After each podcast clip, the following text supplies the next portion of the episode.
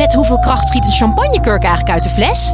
Ja, het is feest bij Quest. Al twintig jaar serieus leuk, met nieuwsgierige vragen en antwoorden uit de wetenschap. Zo maken we Nederland elke dag een stukje slimmer. Nu in de winkel en op quest.nl. Ja, dat het laboratorium van een wetenschapper echt niet altijd een steriele ruimte is met witte jassen en heel veel microscopen, dat laten we zien in deze serie Lableven. Elke week gaan we langs in een ander lab en dit keer zijn we in Eindhoven. Hier houden ze zich bezig met de nobele kunst van de aerodynamica, het behulp van een enorme windtunnel. Nou, professor Bert Blokken liet ons zien hoe ook topsporters hier baat bij kunnen hebben. Lableven van de Universiteit van Nederland. Wat je hier hoort is het dichtgaan van een meterslange windtunnel die hier ergens achteraf in een loods op de campus van de TU Eindhoven staat. Zo, die is dicht. Bert Blokken, jij bent hoogleraar aerodynamica. Waar zijn we? Ja, we zijn nu in gebouw Ventour. Dat is eigenlijk de, het gebouw waarin onze atmosferische grenslaag windtunnel staat. En eh, eigenlijk staan we nu in, in die windtunnel zelf. Dat is eigenlijk een, uh, ja, een ellipsvormig kanaal. Het lijkt een beetje op een soort vliegtuigslurf eigenlijk waar we in staan. Het is niet zo hoog. Nee, nee het is, uh, je zit eigenlijk in een lange gang. Drie meter breed, twee meter hoog. Het is effectief een, een lege tunnel. Leeg, behalve dan eigenlijk de ventilatoren die aan de overkant staan. En dat er ook op een bepaald moment een testobject staat. Uh, en, en, vandaag hebben we een levend testobject. Ja, en wie dat uh, levend testobject is, dat gaan we straks horen. Maar voor nu, Bert, wat gebeurt hier precies? Want het ziet er indrukwekkend uit. Maar uh, wetenschappelijk gezien, welk onderzoek doen jullie hier? Ehm, ja, dat is heel, heel gevarieerd. Hè. Dus, ja, het is een windtunnel van een faculteit bouwkunde. Dus in eerste instantie testen van gebouwen, hun belasting op gebouwen, verspreiding van luchtverontreiniging in steden, rond gebouwen, noem maar op.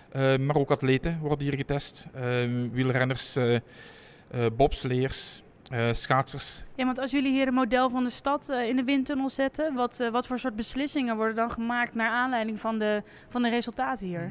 Ja, heel veel onderzoek um, wat betreft gebouwen en steden in Nederland gaat over enerzijds windbelastingen op gebouwen. En dat is, dat is natuurlijk vrij evident, dat gebouwen in eerste instantie blijven staan. en in tweede instantie gaat het eigenlijk over um, windhinder voor voetgangers. En dat, um, ja, wanneer ik dit, dit onderwerp noem, dan beginnen de meeste mensen vaak even te glimlachen. Maar het is effectief zo dat er heel veel gebouwen zijn, en niet alleen in Nederland, maar ook uh, noem maar België, Frankrijk, Duitsland en zo verder.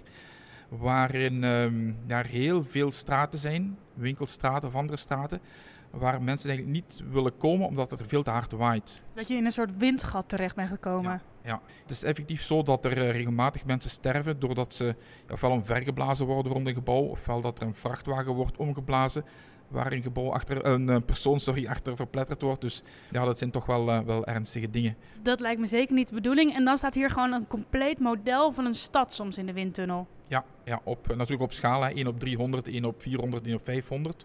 En uh, dat wordt inderdaad getest, minstens voor 12 windrichtingen, soms meer. En dan worden er kleine aanpassingen gedaan aan het gebouw zelf of aan de omgeving. Ja, want als jullie dan hier een object neerzetten, bijvoorbeeld een schaalmodel van een vrachtwagen of een fietser, een sporter, uh, vervolgens komt er dus een enorme wind frontaal op uh, dat object af. En wat kunnen jullie dan vervolgens doen? Ja, vaak heeft, uh, laten we een wielrenner nemen als voorbeeld, vaak heeft een wielrenner of een wielrenster wel een aantal posities die hij of zij aanneemt tijdens een wedstrijd. En waar ze soms ook over twijfelen, kijk, wat is nu eigenlijk mijn beste positie wat, wat aerodynamica betreft. Ja, en als je zegt uh, aerodynamica, wat bedoel je daar precies mee? Um, ja, aerodynamica is eigenlijk uh, theoretisch gezien het verband tussen um, de beweging van een stroming en de krachten die daarbij te pas komen. Dus eigenlijk, ja, hoe stroomt de lucht rond uh, het lichaam van een wielrenner en, en rond de fiets en welke kracht volgt daaruit? Uh, Bert, vandaag staat hier geen uh, model van een stad in de windtunnel, maar een wielrenfiets. Uh, wat gaan we vandaag doen? Ja, wij hebben vandaag een, een levend testobject gevonden. Die, een persoon? ja, een persoon die bereid is geweest om vandaag getest te worden in de windtunnel hier met haar racefiets. Um, dus zij um, is um, ja, al twee jaar wielrenster en doet relatief veel wedstrijden en ja, vroeg zich af wat haar meest aerodynamische houding zou zijn. En we gaan nu eens even kijken hoe aerodynamisch haar fiets is. Uh, en dan uh, ja, haar in verschillende houdingen op de fiets zetten en kijken wat voor haar een, en een comfortabele en een aerodynamische houding is. Ja, comfortabel lijkt me belangrijk. Eh, jij bent het leventestobject. maar wie ben je? Nou, uh, dat klopt. Uh, ik ben Lise. Ik heb eigenlijk altijd al heel mijn leven gefietst. En sinds twee jaar rijd ik wedstrijden uh, bij de dames elite. En is dat dan is dat, tour of welke categorie? Nee, dat is echt op wedstrijdniveau. Ja, je kan het zien als één level onder de, de profs. En jij mag vandaag fietsen in de windtunnel. Heb je een soort van, heb je misschien verwachtingen of heb je misschien nog vragen waar Bert je mee kan, kan helpen? Ja, ik ben natuurlijk heel erg benieuwd als, uh, als ik een uh, bepaalde positie aanhoud, of ik dan sneller ga of niet. Ja, want uh, als we het hebben over het wielrennen, een bepaalde positie, die specifieke aerodynamica, dat, dat, dat kan gewoon het verschil tussen winst en verlies betekenen. Ja, ja, klopt. Ja, het is heel erg confronterend, maar ja, dat is het wel. hey, en hier staat de fiets van Lise, Bert. Je zei net al van een aerodynamica zit hem in de fiets en in de persoon. Als we zo naar de fiets kijken, wat, uh, wat zie jij dan al meteen? Ja, ik denk dat is een, een, een redelijk recent model, maar... Um, je, ja. je, kijkt bedenkelijk. Ja, wel, het is, het is altijd relatief, hè? alles kan beter. Um, ik, als ik zou inzetten op nieuwe onderdelen, dan zou ik in eerste instantie gaan voor andere wielen. Maar ik denk dat Lise dat zelf misschien ook al uh, van plan is of, of al denkt, want ik zie haar, ik zie haar glimlachen. Ehm, en dan iets, iets hogere velgen. Ik denk dat uh, ja, een atleten zoals Lise uh, makkelijk, zelfs met stevige zijwind, uh, toch met die hogere velgen kan werken. en dan misschien iets minder spaken en iets, iets meer, ja, iets meer een type plattere spaken. Want serieus, op spaakniveau, dat is waar we het nu over hebben? Ja, inderdaad. Hè, omdat um, ja, je hebt aerodynamica van de fiets en van de persoon. En dat is enerzijds aerodynamica die um, gebruikt wordt om uh, het geheel, zal ik maar zeggen, um, ja, vooruit te helpen. Maar anderzijds heb je ook nog eens de aerodynamische weerstand van de wielen door het feit dat je die draaiende moet brengen. Um, dus dat is extra belangrijk. Dus wielen kunnen wel degelijk een heel grote invloed hebben. Dat kan gaan tot 10% van de totale weerstand. Precies, dus we hebben dan nu de wielen. Die mogen wel wat anders. De velgen. We hebben de spaken. Ik zie nog twee bidons uh, erop. Uh, ja, uh, er zijn ook, ja, bestaan allerhande bidons tegenwoordig met verschillende vormen, ook wat meer aerodynamisch gevormd. Oh, er zijn aerodynamische bidons? Ja, ja. ja. Is zijn... De, is, zijn dit een beetje aerodynamische bidons? Nee, dat zijn, um, zal ik maar eerlijk zeggen, bidons zoals ik die ook thuis in, de, in de kast heb staan. Dus dat, zijn, dat is meer het gewone cilindervormige type. Maar wanneer het gaat over een tijdrit die korter is en je, die veel meer toegespitst is op die, op die aerodynamica, dan zie je vaak dat men uh, ja, toch wel uh, ja, een andere vorm gaat gebruiken. Oké, okay, nou je hebt het gehoord. Je banden, je spaken, je bidons. Daar valt nog flink te klussen. Ja, ja klopt. Er wordt uh, geld sparen en nieuw aanschaffen. ja, precies. Als het aan Bert ligt wel. Maar voor nu gaan we eerst... We hebben de fiets nu een beetje gekeurd.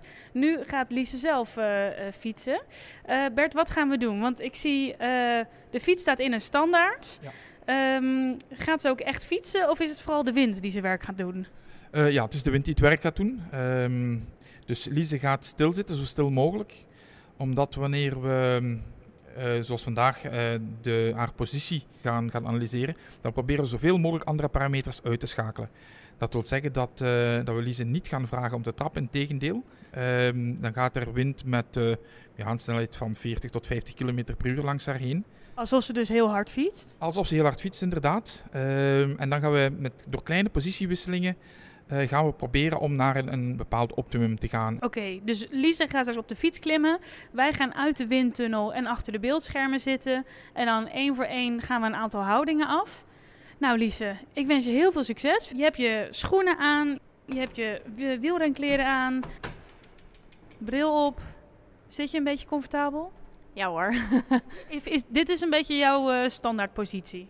Ja, ja, zo zit ik als ik in een wedstrijd uh, echt race. Dus onderin de beugels en gassen. En gassen, nou dat is wat we gaan doen. Uh, Bert, wat gaat er straks uh, gebeuren op het moment dat Lies op de fiets gaat zitten? Wij gaan hier weg. Ja, in eerste instantie ga ik haar vragen welke positie ze als referentie wilt gebruiken. Dus misschien een positie waarin ze zich comfortabel voelt, waarvan ze weet dat ze die vaak aanneemt tijdens een wedstrijd. doe de eerste meting.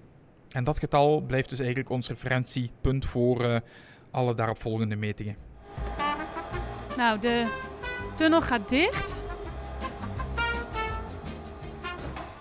Ja, want wat is bij wielrenners een beetje de grootste... Nou, wat zijn eigenlijk de grootste uitstekende delen waar je je eigenlijk uh, kapot aan ergert? Ja, in, in principe zou je die fiets alleen willen laten rijden, maar eh, dat is natuurlijk niet mogelijk. Nee, Ja, dus, dit is een ander spelletje. eh, eh, dus ehm, wat je vaak ziet is, ehm, het hoofd is toch een van, een van de belangrijke delen. Hè, als je erin slaagt om je, je bovenlichaam goed horizontaal te houden. Wat je ook ziet is wanneer renners echt moe worden, en dat zie je dan vaak in, in eh, lange wedstrijden, met lange ontsnappingen, dat ook inderdaad de ellebogen echt uit elkaar komen te staan en, en, die, en de knieën dat die ook soms naar buiten gaan. En dat is ook gewoon frontaal oppervlak dat groter wordt. Je ziet ook aan Lies, hè, die zit doodstil, maar eh, alsof ze keihard naar beneden gaat. Zo eh, wappert in ieder geval de, de, de shirt en haar haar. Ja, en nu gaan wij heel snel naar een veertigtal meter per seconde. Wat voor windkracht is dat? Eh, waar moet ik me bij voorstellen? Flinke storm? Ehm, ja, dan zit je toch al aan een flinke storm, ja. ja, ja. En nu is het al afgelopen. Dus nu worden we terug ventilatoren uitgeschakeld. En eh, dan gaan we meteen kijken wat daar als eh, luchtweerstand uitkomt. Ja, want nu, dit was de basispositie en nu kun je Ja. meteen uitrekenen wat is hier de weerstand. Ja, we gaan eerst Lise verlossen door de... Dus het glas gaat weer open. hey, en Lise, jij zat net dus in de windtunnel. Hoe was dat? Ja, eigenlijk helemaal niet zo eng. ik had eh, iets heel spannends verwacht met heel veel wind. En eh, ja, nee, het valt eigenlijk allemaal wel mee. Ja, want wat, hoe voelde het? Alsof je gewoon een berg afging? Ja, eigenlijk wel. Gewoon alsof je op je stuur eh, rustig eh, ja, een berg afging zonder bochten. Ja, dus eh, luchtweerstand hebben we gemeten. Hè. Dat is in newton. Dat is iets meer dan 27 newton. Maar dat is luchtweerstand van jou en de fiets. Eh, en dan drukken we dat uit in ACD-waarde. Ik weet niet of je daar al ooit van hebt gehoord. Ehm, maar die ACD-waarde is eigenlijk echt een indicatie van ja, hoe aerodynamisch is een bepaalde positie ten opzichte van anderen. En jouw ACD was 0,286.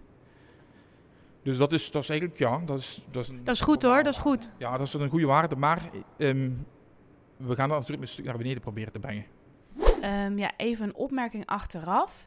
En ter indicatie, een tijdrijder die wat kleiner van gestalte is, heel goed op de fiets zit en een super aerodynamische fiets heeft, kan bijvoorbeeld een ACD-waarde van onder de 0,2 bereiken. Dat is echt heel laag. Dus welke houding eh, moet Lise nu eh, aannemen? Waar je nog aan zou kunnen denken is ehm, dat Lise, ehm, zoals men, ja, niet in het peloton rijdt, maar soms wel een ontsnapping alleen, eh, is eigenlijk de onderarmen dichter bij elkaar brengt. Op het stuur laat rusten, eigenlijk ter plaatse van de ellebogen bijna. Dus eigenlijk een soort van tijdrithouding, maar dan zonder tijdritstuur. Eh, waardoor eigenlijk automatisch het bovenlichaam goed naar beneden komt. En ook de schouders eh, komen dan vaak wat dichter bij elkaar te staan. Denk je dat dit, zouden we dan eens proberen? Oké, dus, wa- want Lise, is dat een houding die jij wel eens hebt? Nee, eigenlijk eh, ah, doe ik dat nooit. eh, want dat is gewoon te gevaarlijk in een peloton. Je moet snel kunnen remmen. En eh, ja, als je met je armen op het stuur zit, dan eh, kan je niet snel genoeg eh, in de remmen knijpen. Ehm, maar ja, als ik alleen, alleen aan het trainen ben, ja zeker, dan eh, ga ik zo wel eens eh, zitten. We laten de wind zijn werk doen en gaan kijken wat het, eh, wat het doet.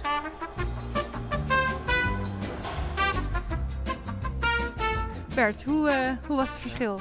Ja, ik zie Lise kijkt ons vol verwachting aan met vragende blik. Eh, dit eh, levert je wel veel op, ja. Ten opzichte van die eerste, terug die referentiehouding, is dit 7% minder luchtweerstand. Dus dat is al wel, eh, wel aanzienlijk. Eh, dus misschien toch moeite waard om, ja, om daar eens aan te denken wanneer je weer in ontsnapping zit.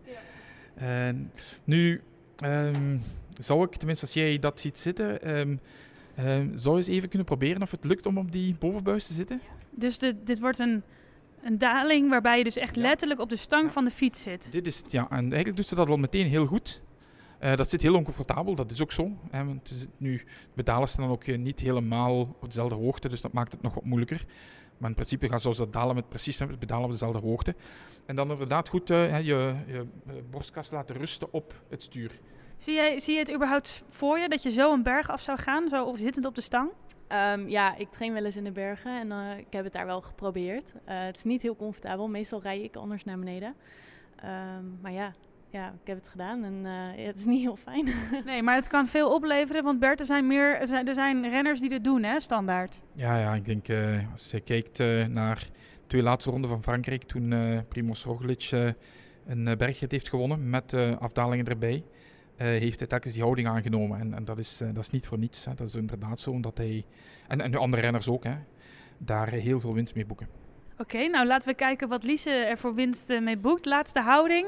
Ehm, zittend op de stang, voorover gebogen, alsof je een berg afgaat. Dus de windtunnel gaat voor de laatste keer dicht.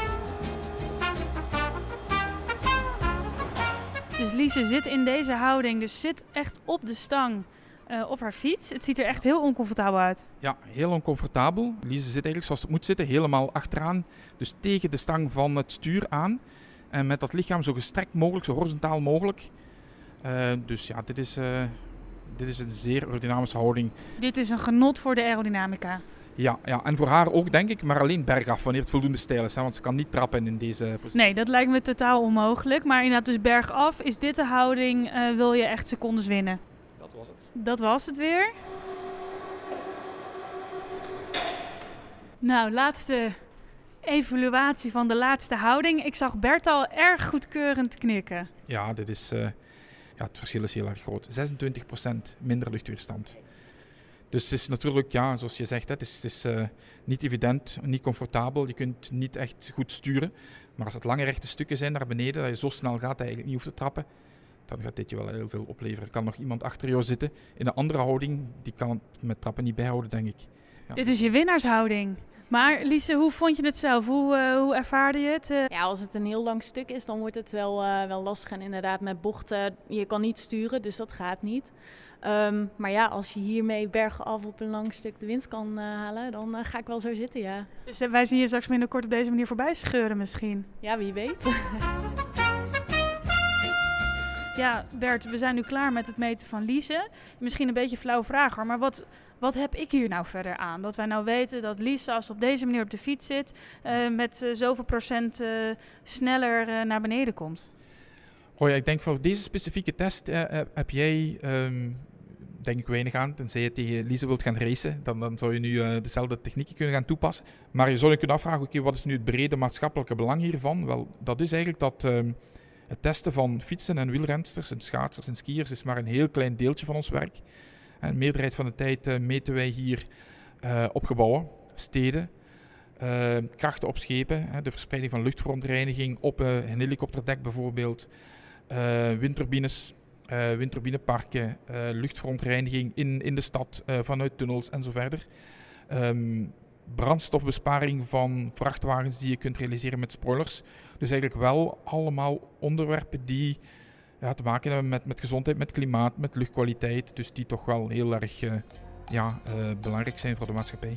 Hey Bert, ben je zelf ook een beetje sporter of wielrenner? Goh, tegenwoordig uh, ja, alleen nog maar in mijn dromen. 20 jaar geleden, 20 kilogram geleden, was ik best goed op de fiets. Ook een beetje aerodynamisch? Nou, in retrospect had dat veel beter gekund. Had ik uh, ooit de kans gehad om een windtunneltest te doen, of meerdere. Ik denk dat daar wel het een en het ander aan te verbeteren was, maar uh, ja, goed. Maar nu zit jij vooral uh, naar de televisie te kijken, naar de aerodynamica van de sport. Ja, ik denk, ik reken voor 95% en ik kijk tv voor 4%. En die 1% probeer ik nog zelfs op de fiets te zitten, maar het stelt niet meer veel voor. Daar is de aerodynamica dan ver te zoeken.